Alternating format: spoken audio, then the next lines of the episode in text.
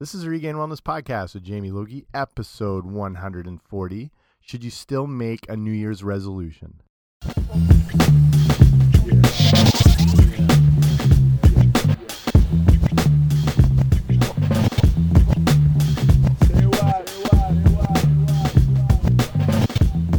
Hey guys, what's happening? Welcome back to the podcast. I'm Jamie Logie. I run regainedwellness.com, and this is the Regained Wellness Podcast. So, welcome. Happy 2018. If you're new here, very special welcome. Thanks for coming on out. I do podcasts on all sorts of things related to health, fitness. I've interviewed some amazing guests. You can just go back and look and check out. I've covered everything you would probably want to know or learn about uh, as far as anything like nutrition, diet, everything like that. So, I mean, if you haven't already, make sure you subscribe wherever you get your podcasts, probably on iTunes, but I don't know wherever you get them. Find them in the woods, down the street, anywhere you get them. Subscribe that way you automatically get them delivered to you. So, this show, I put this off a little bit just because a combination of two things. I was sick as a dog after the new year, and I wanted to give it a little, I probably still sound a little sick, but I'm not too bad. And I also wanted to give it a little bit of time because I'm talking about the whole New Year's resolution thing. And you're, you know, you're bombarded with all that sort of information immediately when the new year hits. So I wanted to give it a little bit of time um, and now address it where you might have a little more chance to take, you know, take it in, absorb it a little better as opposed to being like bombarded with a ton of info. So in this show, I'm going to go over the whole deal and kind of pros and cons if New Year's resolutions are worth it, um, what the plus side is, what the downside is, and then a bunch of tips actually on how to get started if you're looking to improve like your diet, your health, your wellness, everything like that. So I'll sort of lay it out the best way I see that is the best way to make it stick and work. Okay, let's get right to it.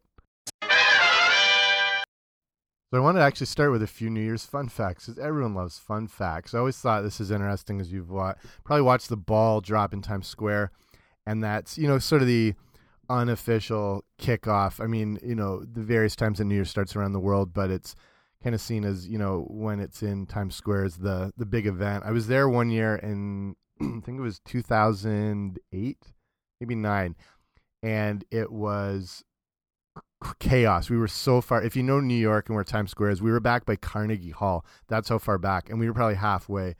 Um, but basically, so people have been celebrating New Year's in Times Square as early as around 1904, but it was in 1907 that the New Year's Eve ball made its first descent because um, Times Square is named after the New York Times when they relocated up there. Before that, it was called Longacre Square, and that was just part of the festivities that year that they were going to lower the ball and this you know it was this actual lit up 700 pound thing and it was just going to be um, to signify the move there and then the fact that it was just the change over into the year. So it started with sort of not like a promotional thing but you know along those lines. And another thing i i find interesting i'm not sure if people do too is the the idea behind singing auld lang syne at um, midnight and where that goes back to which it's an old scottish um, kind of poem i guess that was made popular by guy lombardo who's actually from my hometown london ontario and it was a song that they made pretty much famous and it was they used to do a radio show in new york and they started that in 1929 and they were this is kind of like they didn't have you know Dick Clark Dick Clark's Rock Rockin' New Year's Eve. So people would like listen to the radio.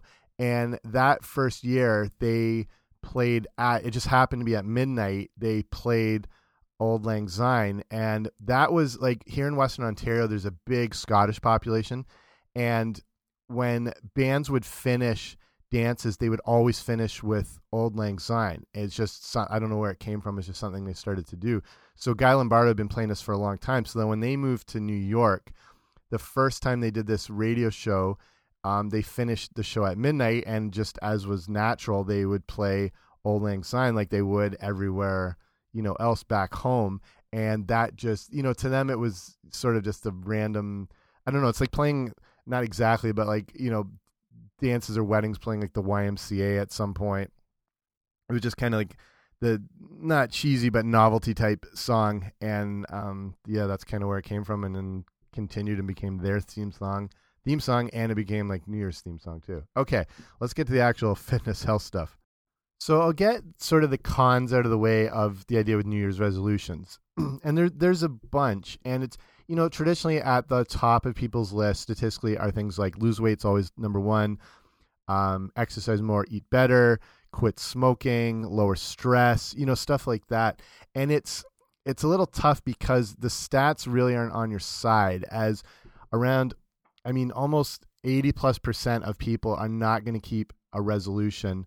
And if they do, it's going to only last till usually March is sort of the cutoff time as far as um, you know, following through on it. It's when the if you've been in gyms, work in gyms or whatever, that's where they, you know, they're packed obviously right into January, and around March it starts to level out as people fall away. It's around only eight percent of people actually stick statistically with New Year's resolutions. So, you know, from that standpoint, you know, the odds aren't on your side.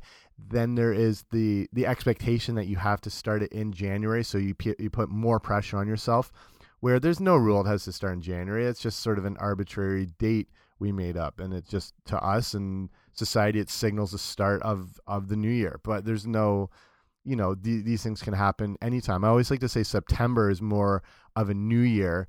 Um, compared to January because it's out of the summer. It's when you know you get back into routines and schedules and you know the changes in the weather. But like here, it's a little different depending on where you live. If you live in the east coast of North America, we've been basically I didn't leave my house for 3 days. That's how much snow and blizzard we've had. This has been a winter like I haven't seen in decades as far as cold temperatures. It was down to minus 27 Celsius one night where you can take a glass of boiling water and throw it and it just evaporates into snow in the air.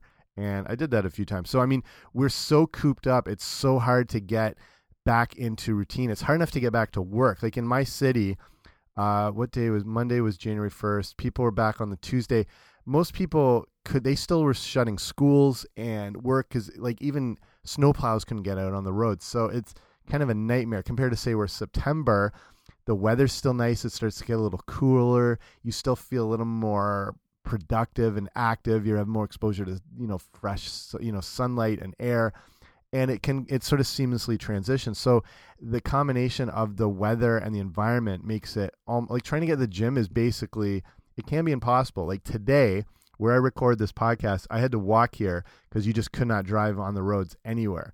So it just handcuffs you as far as you know trying to get moving. And even if you are you're super motivated and excited, you know you can be you know flipped up over or tripped up over this whole thing.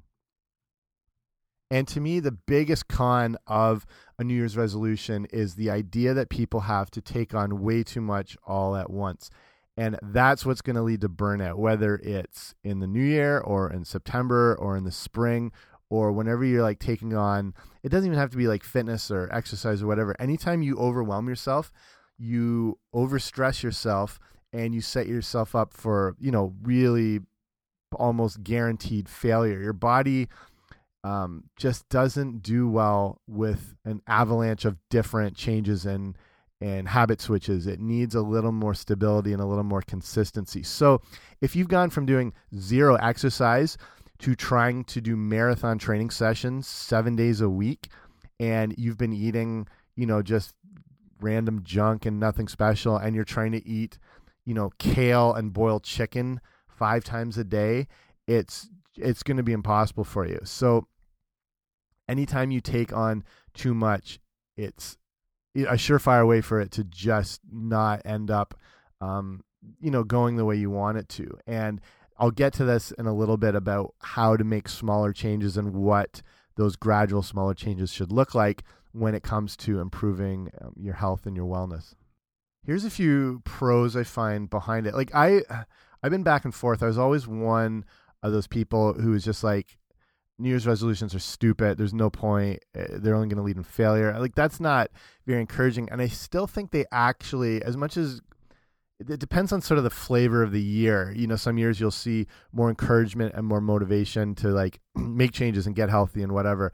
And then some years it's like the don't bother. News resolutions are pointless and fail. It just it kind of depends what the mindset is at the time. But so as much criticism as they get, I I do think they still serve a purpose in a few ways, and that at the very least, it's a reminder for you to kind of get your ass in gear. It's you know, it can be easier to ignore messages to get healthy at other points in the year, but there's really no ignoring it come January because it's everywhere, whether it's, you know, newspapers, magazines, online, blogs, articles, whatever.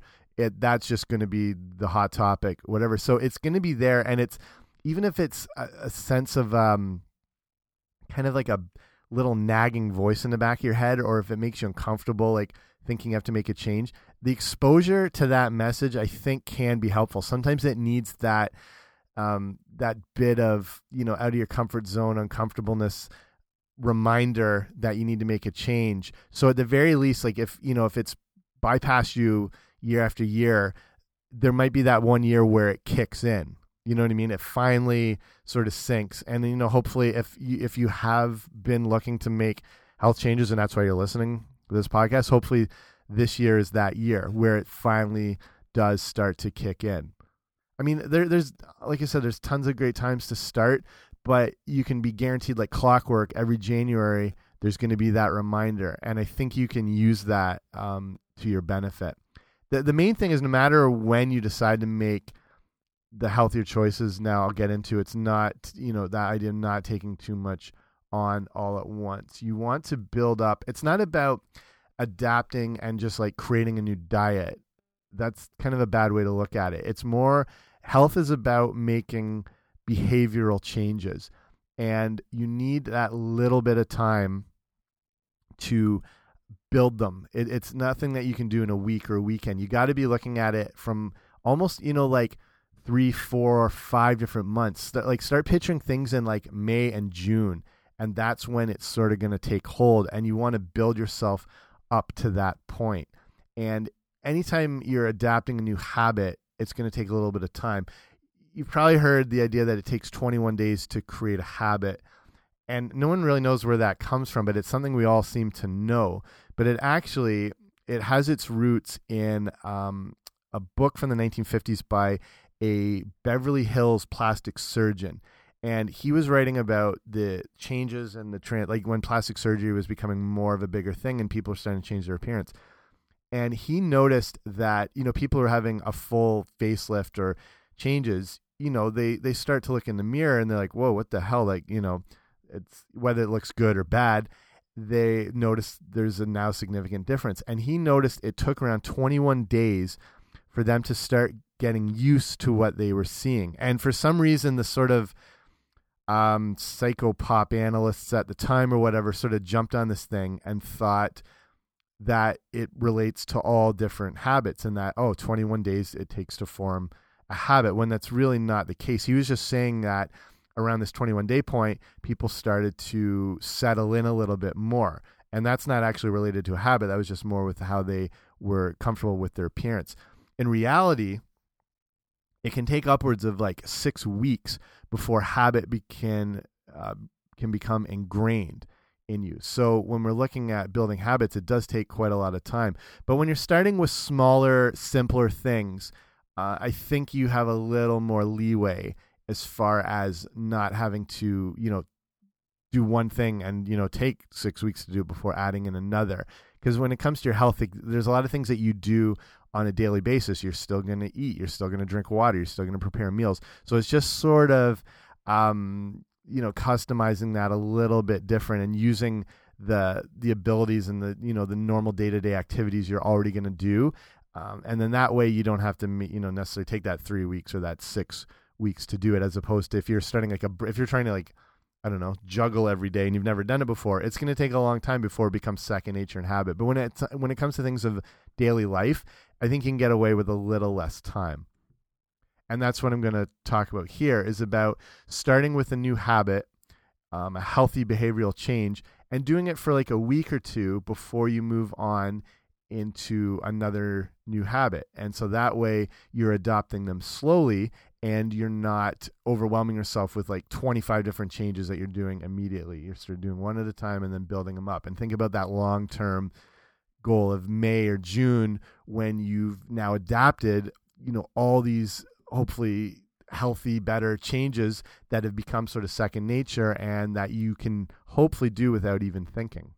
So I'm going to talk about diet and nutrition based habits and then I'll sort of touch on fitness and things like that in a little bit. But the the biggest changes you can make to your health are going to start with your diet. Exercise is very good and very important, has its place, but it's not going to overhaul things as much as changing your nutrition is. And there's that phrase that you can't out train a bad diet, and that's very true. And I've tried it, and it just does not happen. So when you start with your diet, nutrition, and get all that up to speed, the um, the, the exercise and the fitness will then kind of feed off that. And hopefully, you know, if you're working out now and everything, that's perfect. And maybe some of this stuff can be um, you know, if you've already been on top of all your nutrition, maybe this will be a refresher if you need it. And like I said, if you're brand new to everything, these are some sort of good things you can start with.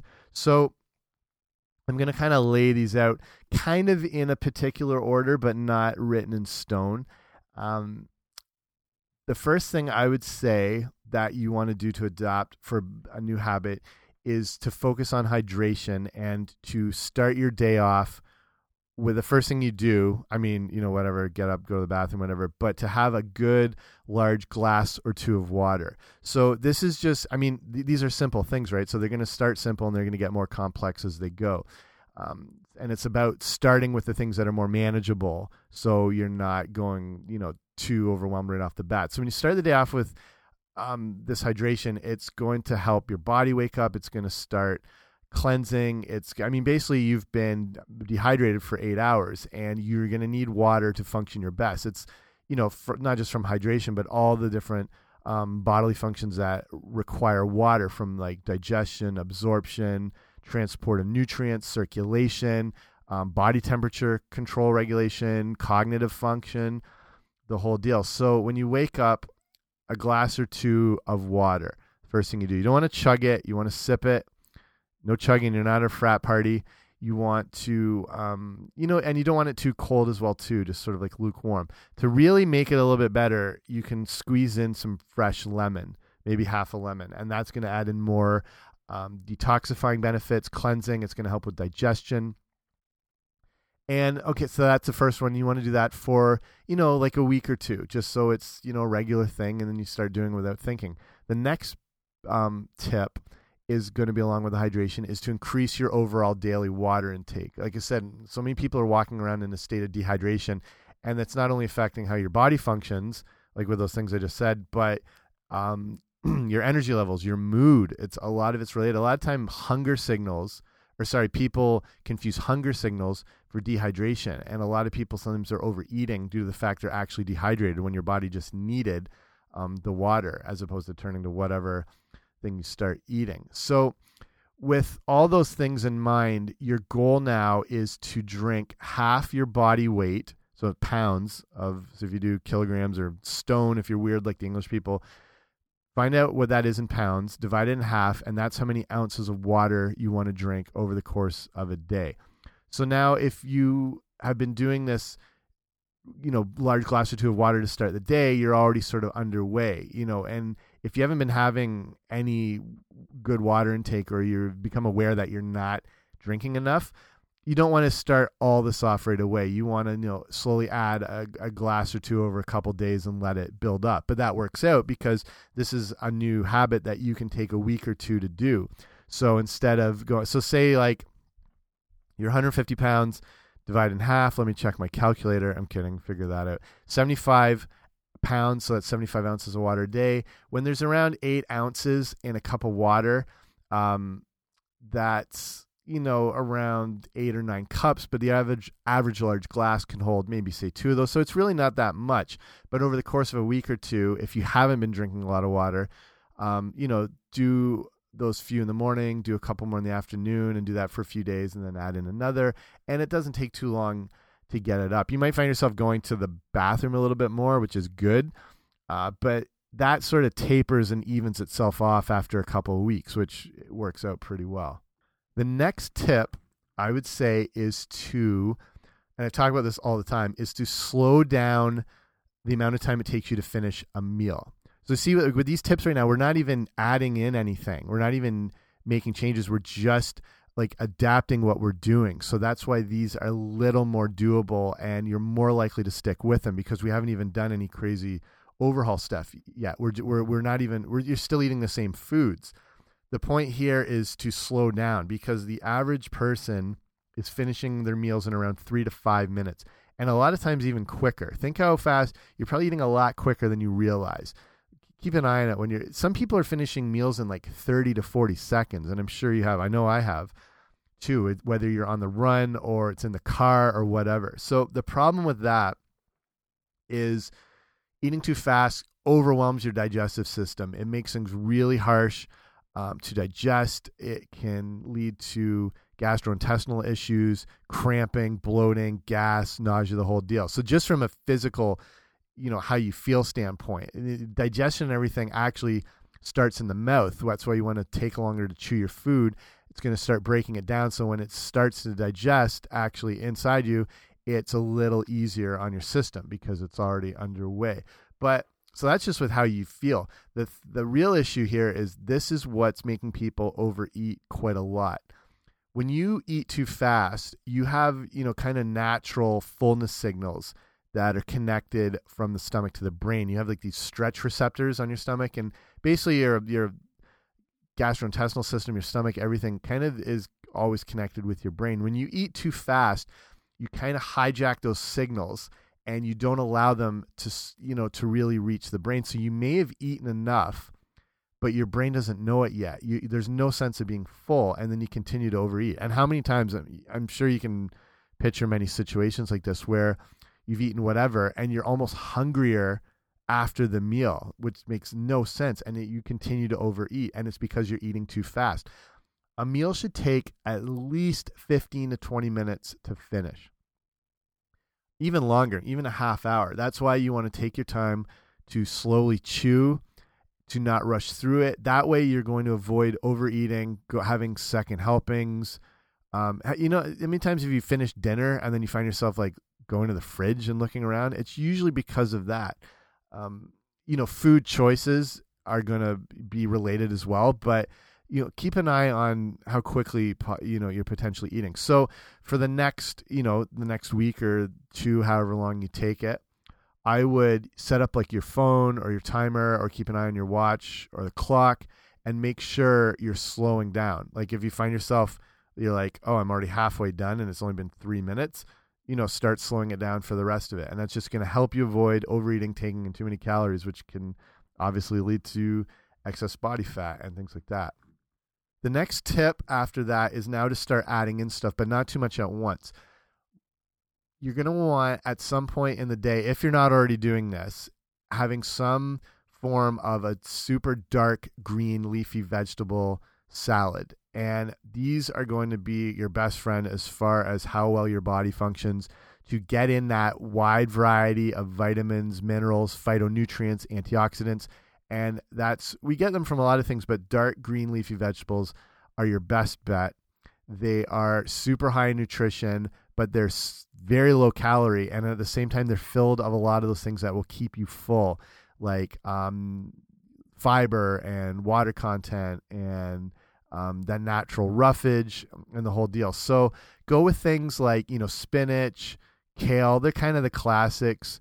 Um, swiss chard you can throw in some cilantro or parsley or you know so make some form of this salad and then make sure to have it at least once a day and just get used to having that. The next tip after that is you can start increasing that intake you want to now slowly start replacing anytime you have a grain based dish whether it's you know too much pasta or rice or breads or whatever you want to replace that with that salad now. And now you can start adding in, you know, if you haven't already, start adding in other stuff like, um, you know, cucumbers and cherry tomatoes and red and green bell peppers, um, and some. And now this is another time where you can start ditching um, different, you know, like commercial based salad dressings or, or vegetable oils and stuff like that. So that would be the next tip is to start using your own, making your own salad dressings. Just use a simple like extra virgin olive oil. Start using, you know, like maybe a red wine vinegar, vinegar or a balsamic, and just mix those together and start using those as like your salad dressings, your marinades, all that stuff. Ditch all the vegetable oils, sunflower oil, safflower oil, vegetable, all that crap. Um, and from from cooking or the salad dressings, or whatever, get them all out and start replacing them with the real olive oils. Those vegetable oils are such a refined and high treated, high heat product that they become so inflammatory in your body. They're so high of omega 6s from an inferior source, potentially genetically modified sources when it comes to, you know, corn or soy or whatever like that. And the way they hit your body is just, like I said, completely inflammatory. They, you know, picture like when you cut yourself with um, whatever, you get a sliver and you just get that, you know, all that redness and that throbbing. My finger is a heartbeat, you know, that whole deal. That same effect is happening inside you when you're eating inflammatory based foods. The problem is you don't feel it, but it's still having those bad effects. And that's, you know, inflammation is seen as kind of the root of a lot of diseases, if not all of them, you know, according to some people. So these vegetable and refined oils are so, you know, high heat treated. They're they're almost degraded down so much that in some cases they have to add in like deodorizers into the oils because they're almost at the rancid stage. And eating a rancid food is just probably number one on the do not touch list. And again, like it, it throws your body's natural omega 3 to omega 6 balance. And when that's out of whack, that inflammatory process happens. So start getting rid of all those things. Um, you know, you're increasing the greens um, and vegetable intake through the day, and you're using a little more of a natural and healthier um, you know salad dressing or marinade or whatever that you can make yourself and they're way cheaper and i think they taste a lot better too. So get you know this is worth spending your money on. Get like a really good extra virgin olive oil. Uh, you can even get like a good infused one with like garlic or you know red chili or wh whatever and just add those in. So that next goal so now you've added in the salad you've increased the con uh, the amount you have each day you're getting rid of the vegetable and the seed oils and you're adding in the healthy natural ones you're making. And now the next goal is to get up to double digit servings of non starchy vegetables each day. So all those, like I said, all those dark leafy greens, all the, you know, the tomatoes, the cucumbers, the red onions, the parsley, the herbs, the whole deal. And that's, I mean, that sounds like a lot, double digit servings, but when you consider that a serving is not that big, um, you know that would equal maybe three or four decent sized salads with uh, all the uh, all the you know mushrooms, the whole thing you want to throw into it. So it's really not that much. So um, when you're thinking serving sizes, think of like your fist tightly bound up, and that sort of area, that amount is you know considered sort of one serving size of the vegetables. So you know two, three, or four of those isn't that much volume and you know easy to spread out the day when you put them all together. So that's the big goal: double digit ser servings of non-starchy vegetables each day. And since now you're replacing the grains you have in a meal with these greens, um, you have all these different opportunities to get a good serving of greens throughout the day. So the next tip is going to be to get more sleep. And this is something I cover all the time on the show. If you've listened to the episodes, you know, if not, go back and listen. I've probably like five or six different ones related just to sleep. Um, to sum it up, the less sleep you get, the more you make it difficult difficult for your body to be healthy and to lose weight. You increase the amount of stress hormones in your body. You throw your metabolism off. Losing weight is tough. Gaining weight is easy. So the surefire way to, and especially this time of year where things can be stressed and you know there's less sunlight and people can you know get you know the seasonal affective disorder, which is a, a real thing. And um, it's tough to get through. You know, after Christmas and the holidays, you know, January, February can be pretty bleak, and you're stuck inside all the time. Whenever those stress hormones are up or you run down, this is just when you want to get more sleep. You, you burn those stress hormones off through sleeping. That's when you metabolize them. So if you haven't been getting a lot, try going to bed like an hour earlier um, each day for the next week and a bit, and that can make a big difference. It's going to start with like a wind down process at night. You're going to want to make sure to cut out caffeine after you know two to three p.m. You want to keep your room as dark as possible. You want to avoid electronics and blue light, which can keep you up.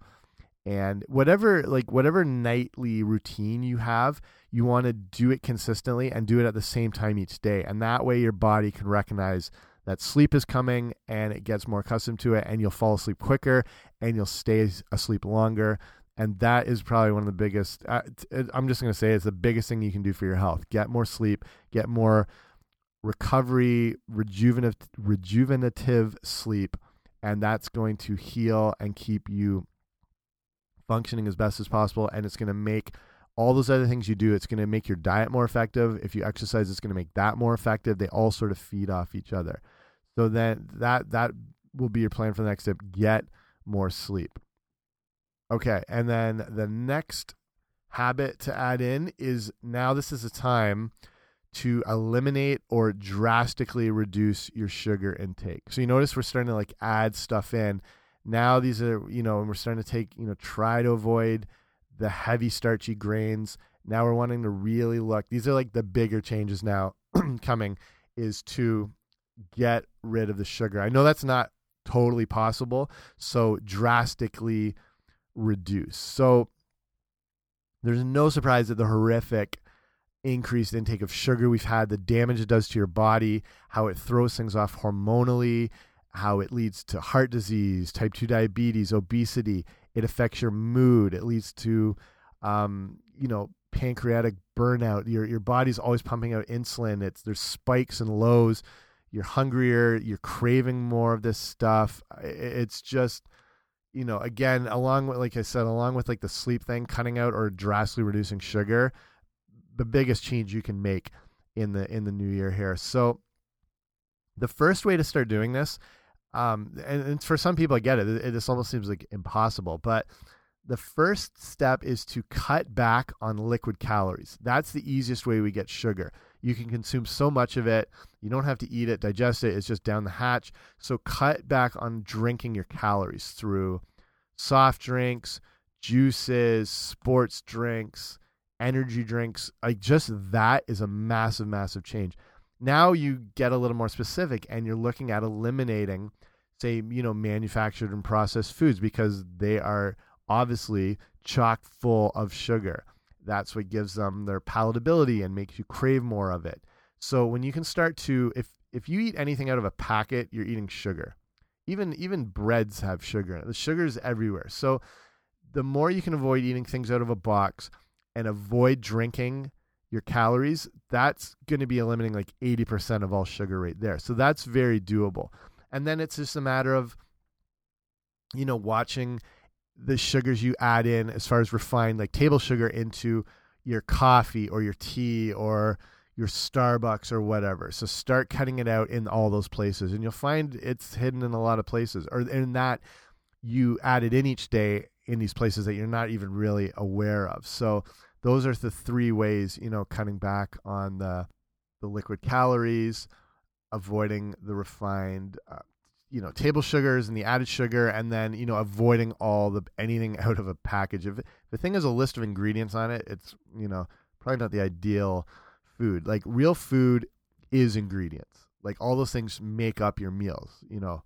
So that's just the way to look at it. So the next tip after that so now like i said if you're looking at all these different tips whether you know we've got six seven eight different things if you're doing those for at least a week or at least two weeks, now you've made a lot of these big changes over the course of a few months. And as you're feeling healthier and better, these tougher changes, like if I said at the start, eliminate or drastically reduce sugar all the way. I mean, that can be good, but that that's pretty overwhelming. Or add in the double digit servings of non starchy vegetables each day and eliminate all your grains if you haven't been doing that, those are pretty overwhelming things. But when you started slower and more gradual and with more adaptable changes and tips, you know, as you're getting used to those and getting healthier and getting better, these bigger changes are you're able to tackle them a little more. You're able to go at them because you've already made these great changes already. So, one of the last year I would say is to now start getting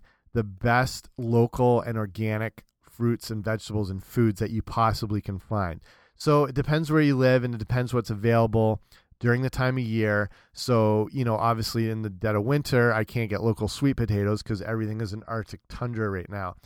But you can still get some of those things from other areas where they're brought in. So start looking for organic versions of those. So, organic doesn't always mean it's healthier, but it means it's grown without crap and pesticides and garbage that can still screw up your health. They're still going to be healthier, and a lot of times they are the healthiest option. But organic doesn't, you know, per se mean it's the best choice, but it leads you on your way to way, way better health. So if you can start finding that stuff, and then when you can start finding locally grown, organic based, now you're getting the best versions of those food possible.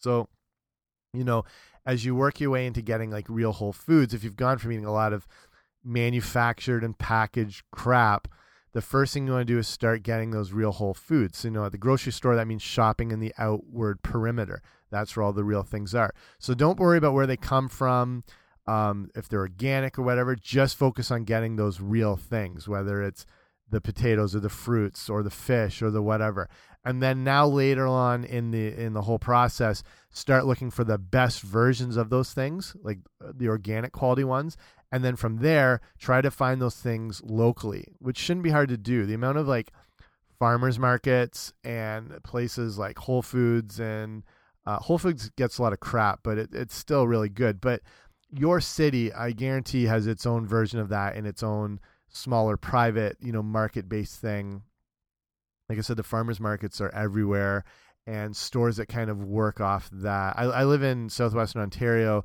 so I mean, this doesn't apply obviously outside of here, but there is a food store called Farm Boy, which I probably get most of my stuff at because it works with. There's probably maybe I don't know that there's even maybe ten or twelve of them without throughout south southwestern Ontario, but they were each location works with the farms in that area. So there, so I'm down here in London, Ontario. I'm not getting whatever vegetables, even if say they're organic and farm grown, but they're not coming from Northern Ontario.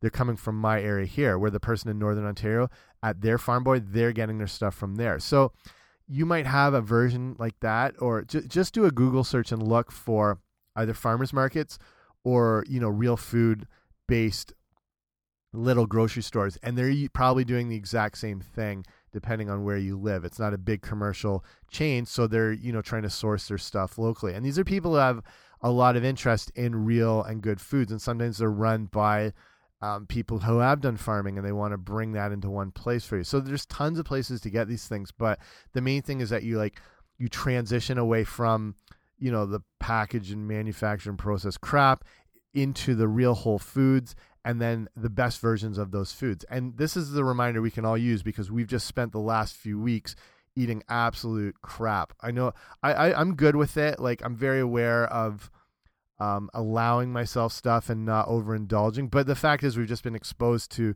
like the amount of sugar and refined carbs and drinks and alcohol and the whole deal over the holiday season. So we're all in the same boat. So it's about getting back on track together. So as far as health and or sorry fitness goes, now, if you've already been regularly exercising um, and you're consistent with it, this is a good time to now start to switch things up. Your body can get very complacent and very you remember homeostasis and the idea of balance in the body and your body wants to find the easiest way to do things and so consistency is the ultimate importance you want to get started and you want to be consistent to get results but after a while that's where you're going to need some variation so if that's you and you've been very dedicated into the gym, but you've been doing the same things. Now's the time to switch things up um, to give your body a different stimulus so it can respond back to get fitter and stronger and leaner and the whole deal. So that can look as simple as just, you know, changing around the days you work out. It can be changing the set and um, repetition ranges. If you're doing like three sets of 10, now's a time where you could do, say, four sets of 12 to 15. If you've been doing that, you can be doing three sets of six to eight, and, you know, go into a little more of a strength phase. You know, when you lower your repetitions down, you're getting into that.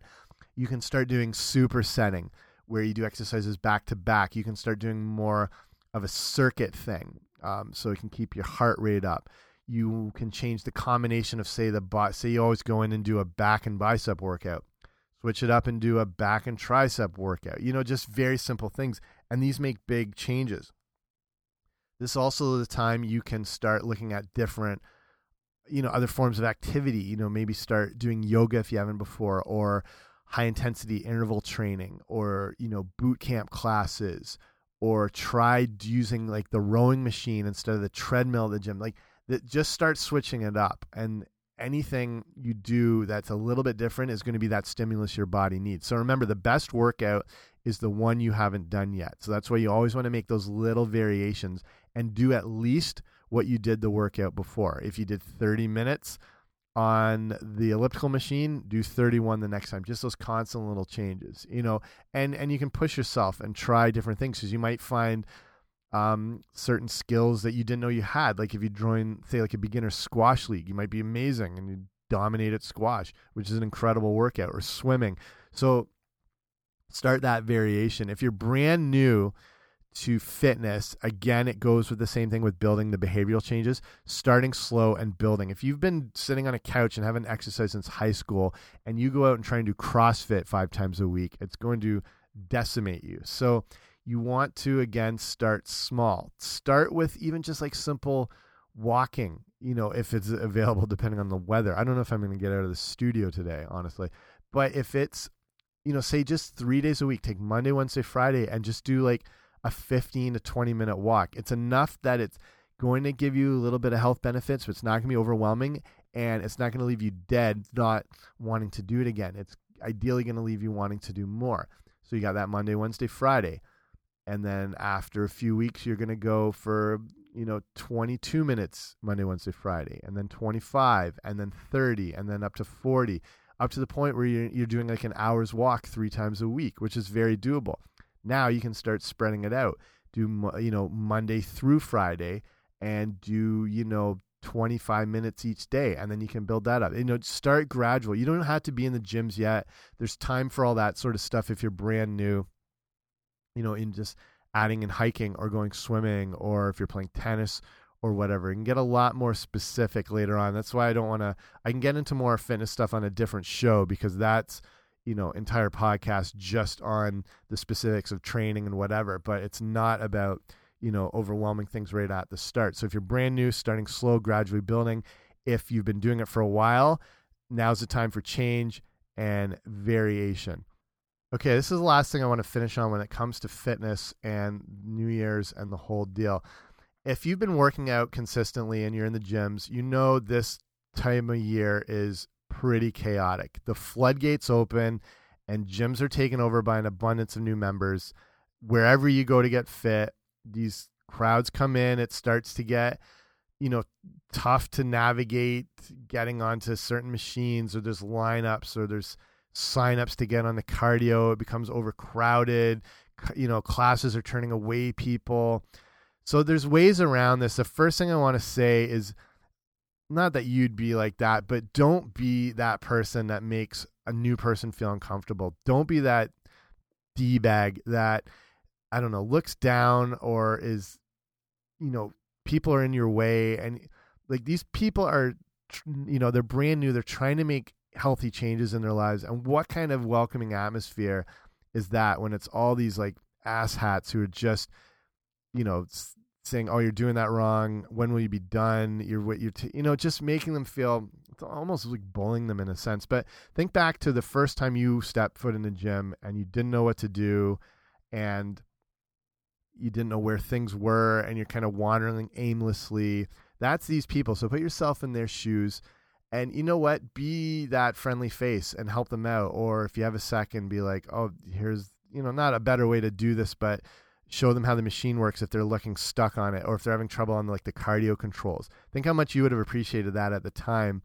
Um, you know, when you started, just someone to help you out, you know, and then it's the potential for um, new friends and just to, I don't know, just to create more of that. Gyms can be such a gong show. I've worked in so many and some have great vibes and some have terrible vibes. And I don't know, just make, help create an environment that's more conducive to, I don't know, people getting results and, better energy and that whole deal. So it just I don't know it's it's something I find if you're the experienced person in the gym is is helping the newbie out just because of how much they'll appreciate that and again like thinking of when you were maybe in their shoes. So if and I I do understand it is frustrating. Um I know I have friends that will do this is funny like Uh, depending on the gym you go to some of them will have sign up forms for the cardio. You know, you can only do half hour blocks at a time, and there's you know the time and the wait list and when you can jump on it.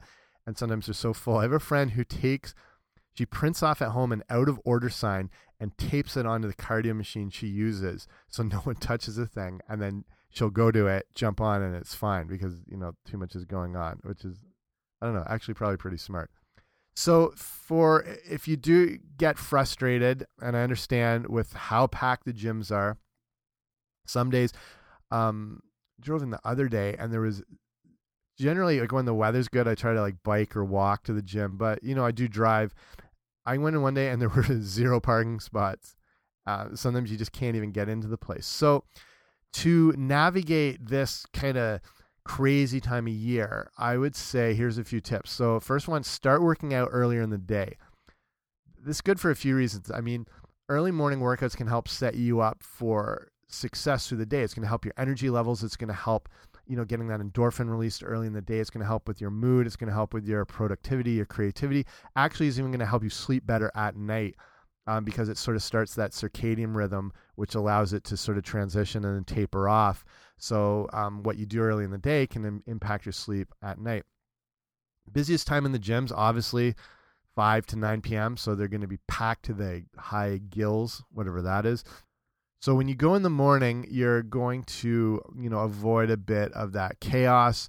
Um, you're going to get things done quick and you're going to be out of there. The next um, thing I would say for tip is um, to avoid the the whole crowded gym atmosphere is take your exercise outside if doable. This can be doing like some brisk runs, hikes, finding, you know, places with stairs to do running. You know, obviously if this is more doable, it's it's just good to get outside as you know, with the gyms are more crowded, germs are more spread, there's more sweat. Here's the number one fitness tip I can give you in January: wash your hands when you leave the gym, even during.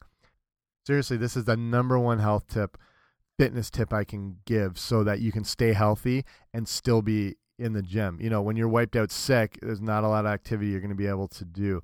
So, um, you know, even keep a sanitizer around. It's just, it's so hard when it's cold. Everyone's cooped up inside. You're more exposed to everyone's germs, um, sweat, you know, everything like that. So it's, you know, if you can get outside during this time of year, you're going to avoid all that. You're at least going to get some decent, you know, air and you're going to, you know, help yourself. But just honestly, wash your hands when you're done working out, and that'll enable you to continue working on and not be um, flat on your back for a couple weeks with the flu.